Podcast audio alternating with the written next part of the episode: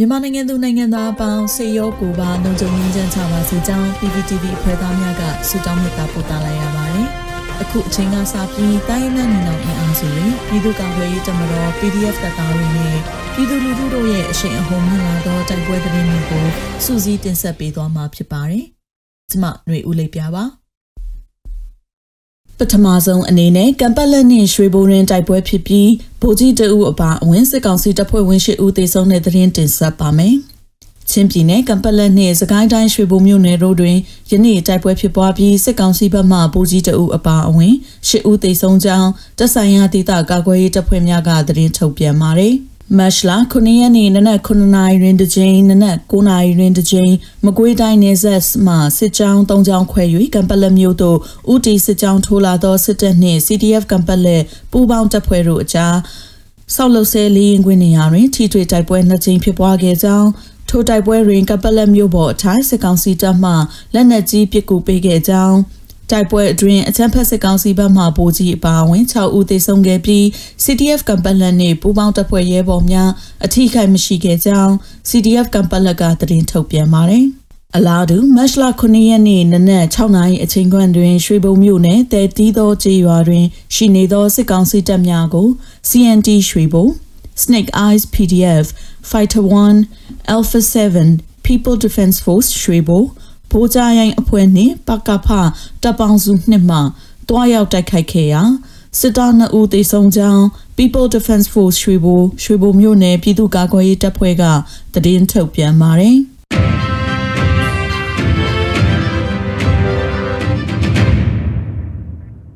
မိုးညင်းတက်ကရိုတွင်တက်ဆွဲထားသောစစ်ကောင်စီတပ်ကိုနမ်းမ PDF ဝင်ရောက်ပစ်ခတ်ခါဗိုလ်တအုပ်အပအဝင်12ဦးသေဆုံးတဲ့တဲ့ရင်ဆက်လက်တင်ဆက်မှာပါ။ ကချင်ပြည်နယ်မိုးညင်းမြို့ရှိတက္ကသိုလ်ဝင်းအတွင်းတပ်ဆွဲထားသောအကြမ်းဖက်စစ်ကောင်စီတပ်ကိုမတ်လ၈ရက်ယနေ့နနက်3နာရီခန့်တွင်နမ်းမပြည်သူ့ကာကွယ်ရေးတပ်ဖွဲ့ကဝင်ရောက်ပစ်ခတ်ပြီးဗိုလ်အဆင့်ရှိသူအပါအဝင်12ဦးသေဆုံးကြောင်းနမ်းမ PDF ကသတင်းထုတ်ပြန်ပါတယ်။ယမန်နေ့မိုးညင်းနှင့်နမ်းမကြားတိုက်ပွဲတွင်ကြာဆုံးခဲ့သောပြည်သူ့ကာကွယ်ရေးတပ်ဖွဲ့ဝင်များအတွက်တွေးကြွေးပြန်တောင်းခြင်းဖြစ်ကြောင်းအထူးခိုင်မရှိစုခွာနိုင်ခဲ့ကြောင်းနမ်းမ PDF ကသတင်းထုတ်ပြန်ပါတယ်။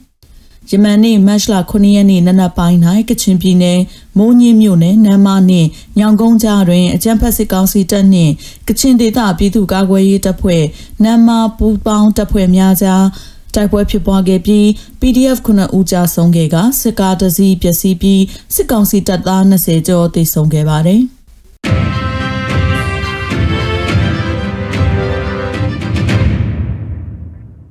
ဆက်လက်ပြီးမြောက်တကုံရဲ့တင်တန်းကြောင်ကိုလက်ပစ်ပုံး40မီလီမီတာပုံးသိမ်းများဖြင့်ပစ်ခတ်တိုက်ခိုက်ပြီးစစ်ကောင်စီဘက်မှထိခိုက်ဒေဆုံးမှုရှိနိုင်တဲ့သတင်းတင်ဆက်ပါမယ်။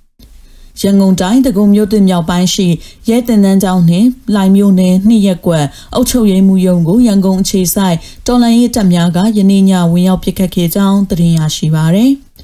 မတ်လ9ရက်ည9နာရီအချိန်တွင်ရန်ကုန်မြို့မြောက်ဒဂုံမြို့နယ်36ရပ်ကွက်ဘိုးစွန်ပလန်းနှင့်မန်ဘာခိုင်လန်တောင်ရှိမြို့မရဲတင်တန်းချောင်းကို People's Force နှင့် Spring Brother Force တို့ပူးပေါင်းကလက်ပစ်ပုံးပစ်ခတ်တိုက်ခိုက်ခဲ့ကြောင်းရဲများထွက်လာချိန်တွင်40မီလီမီတာ များဖြင့်ထပ်မံတိုက်ခိုက်ခဲ့ကြောင်းစစ်စင်ရေးမှည9နာရီမှ9နာရီ15မိနစ်အထိကြာမြင့်ခဲ့ပြီးတိုက်ခိုက်နေစဉ်ပြည်သူကားတမ်းများရပ်တန့်သွားသဖြင့်ပြည်သူများဘေးကင်းစေရန်တဝက်နှင့်ရက်လိုက်ရကြောင်း People's Force ကသတင်းထုတ်ပြန်ပါတယ်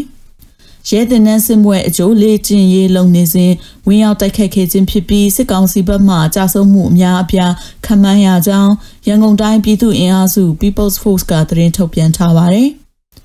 ထို့အပြင်ရန်ကုန်တိုင်းလှိုင်မြို့နယ်3ရက်ကွက်အုပ်ချုပ်ရေးမှူးရုံးကိုမတ်လ9ရက်နေ့ည9:00နာရီဝန်းကျင်အချိန် Justice Bringer Force ကဝင်ရောက်တိုက်ခတ်ခဲ့ကြောင်းရုံးအဆောင်အုံထိခိုက်ပျက်စီးသွားကြောင်းအဆိုပါအဖွဲ့မှရဲဘော်တအူးကပြောပါတယ်။